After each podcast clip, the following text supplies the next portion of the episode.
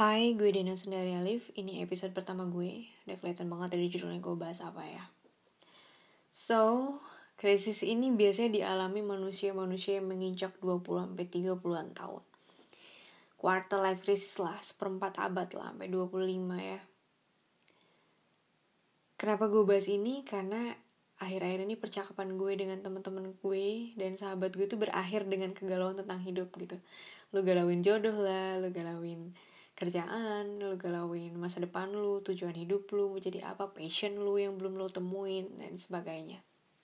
Gue juga ngeliat sih snapgram snapgram temen-temen gue yang memang which is nggak begitu nggak begitu deket sih. Mereka juga galauin tentang hal yang sama yang di usia gue maksudnya.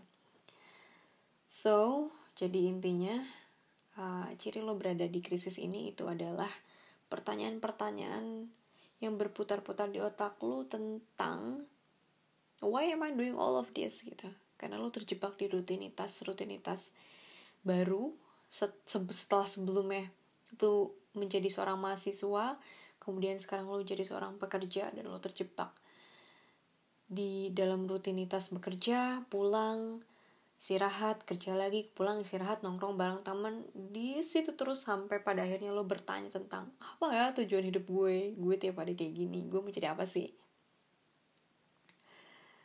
Dan dengan keburn-outan lo itu akhirnya lo bernostalgia over your childhood. And younger carefree years lah especially high school pokoknya. Lo mengingat-ingat masa-masa itu di mana lo nggak banyak mikir tentang masa depan lo gitu. Lo nggak banyak mikir tentang tujuan lo hidup lo nggak banyak mikir tentang jodoh lo lo nggak banyak mikir tentang masa tua lo bakal kayak gimana. Lo cuma mikir tentang sekolah belajar minta duit sama orang tua main sama temen selesai. That's enough. And then di masa ini juga kita cukup banyak merasa jealous. Apa cuma gue? Enggak lah. Teman-teman gue juga yang gue ajak bercakap-cakap juga banyak yang merasa jealous uh, dengan orang lain yang memang lebih sukses. Nggak bagus sih.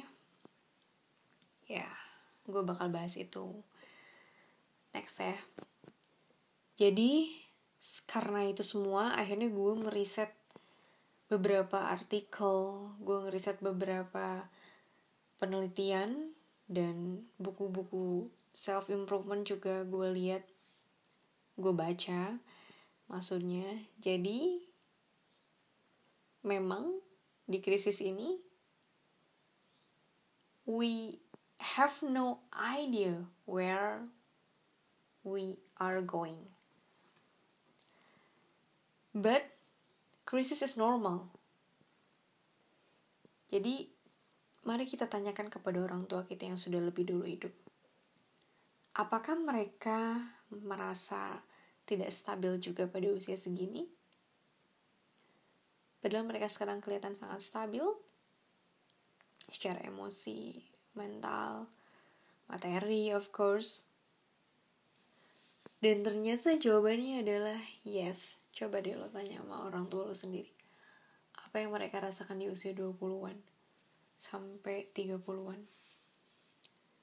So, krisis itu adalah normal dan itu adalah transisi, stage to pass over. But it's process. Dilalui semua orang.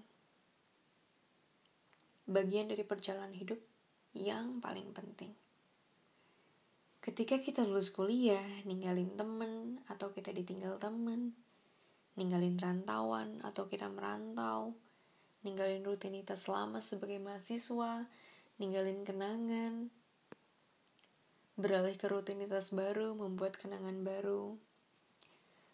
So, this crisis itu adalah jembatan menuju sesi hidup berikutnya yang penting.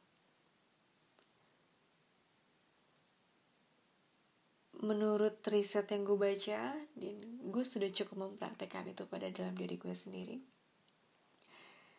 Biarkan pertanyaan-pertanyaan yang berputar-putar di kepala kita tentang diri kita, tentang tujuan hidup kita, tentang alasan-alasan kita hidup, tentang I have no idea where I'm going, itu guide us to where you wanna be lah.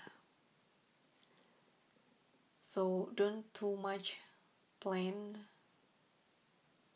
in our life. Just let it flow. Let Allah guide us.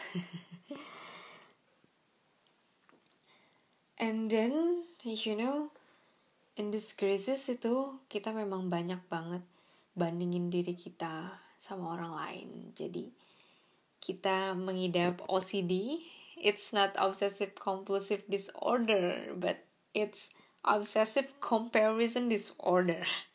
we're comparing our life with every people that we think they are success. Nah, sampai kita sembuhin ini OCD. Oke, okay, gue ingetin lagi ini bukan obsessive compulsive disorder ya. But obsessive comparison disorder. Sampai kita sembuhin ini nih, kita nggak bakal keluar dari krisis ini.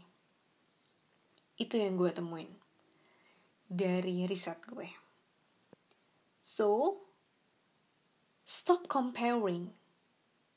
Dan emang yang gue rasain, itu the big distraction in this crisis, itu adalah comparingnya gue dengan orang lain. Dengan yang lebih cantik, lebih pintar, lebih sukses dengan standar sukses gue gitu. Ada beberapa cara sih yang gue lakuin untuk stop comparing ini. Kayak lu bisa puasa sosial media gue melakukan puasa sosial media gue cukup jarang membuka Instagram gue sangat menahan diri karena sekali gue buka Instagram tuh gue melihat wah orang-orang sukses banget dia bisa kayak gini kayak gini padahal sukses itu tidak didapatkan dengan mudah. Pasti banyak pengorbanan yang mereka lakukan sebelum bisa mencapai hal itu. Dan kadang alasan-alasan itu gak gue pikirin gitu. Gue hanya melihat mereka sukses. Gue pengen kayak mereka. But itu bagus sih kalau itu memang memotivasi kita. Tapi kadang malah itu bikin kita ngedown dan merasa rendah diri sih. Gue sih lebih banyaknya kayak gitu. Jelek banget deh gue. So, life is not about the competition lah.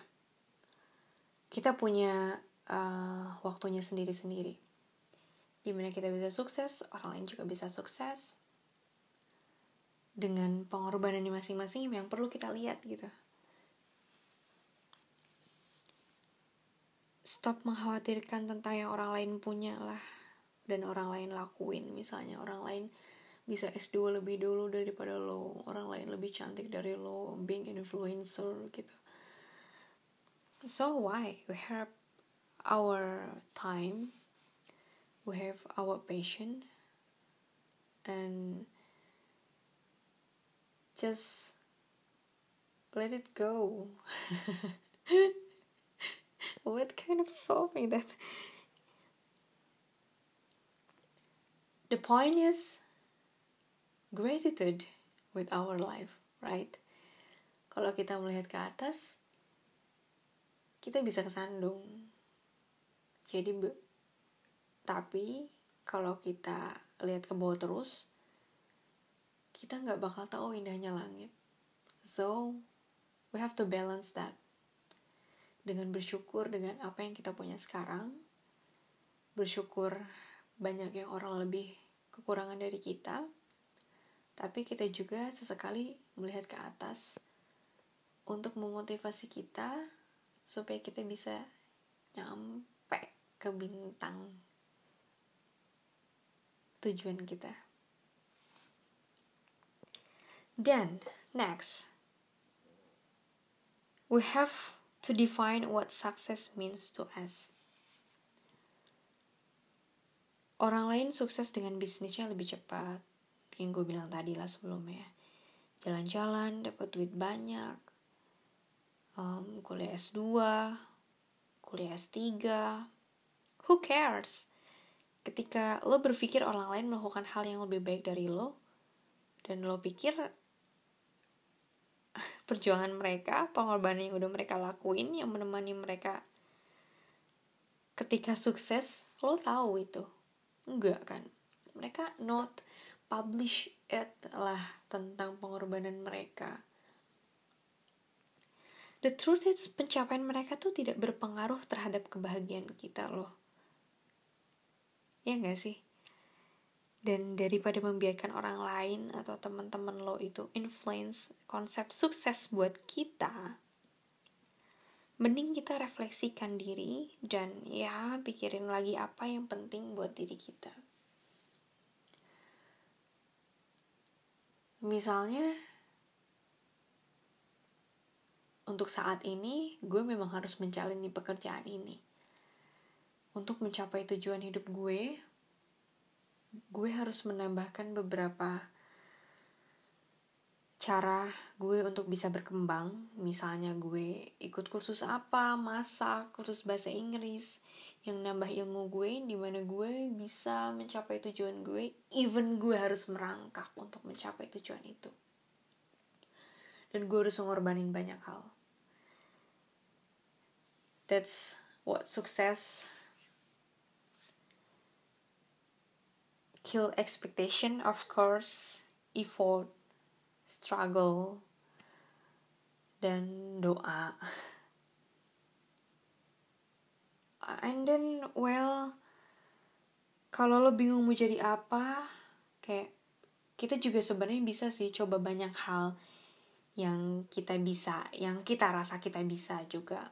Gue juga mencoba bermain podcast juga karena itu gue mencoba ikut komunitas bahasa Inggris gue mencoba ikut komunitas uh, pengajar anak jalanan.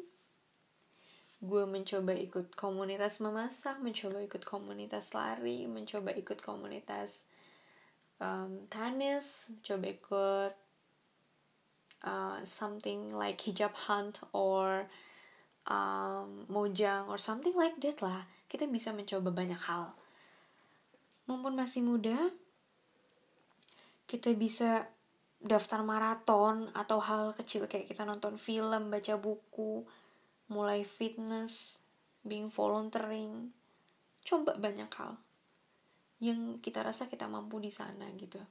Atau ya hal-hal kecil yang kita rasa udah kita jelas mampu di sana banget lah.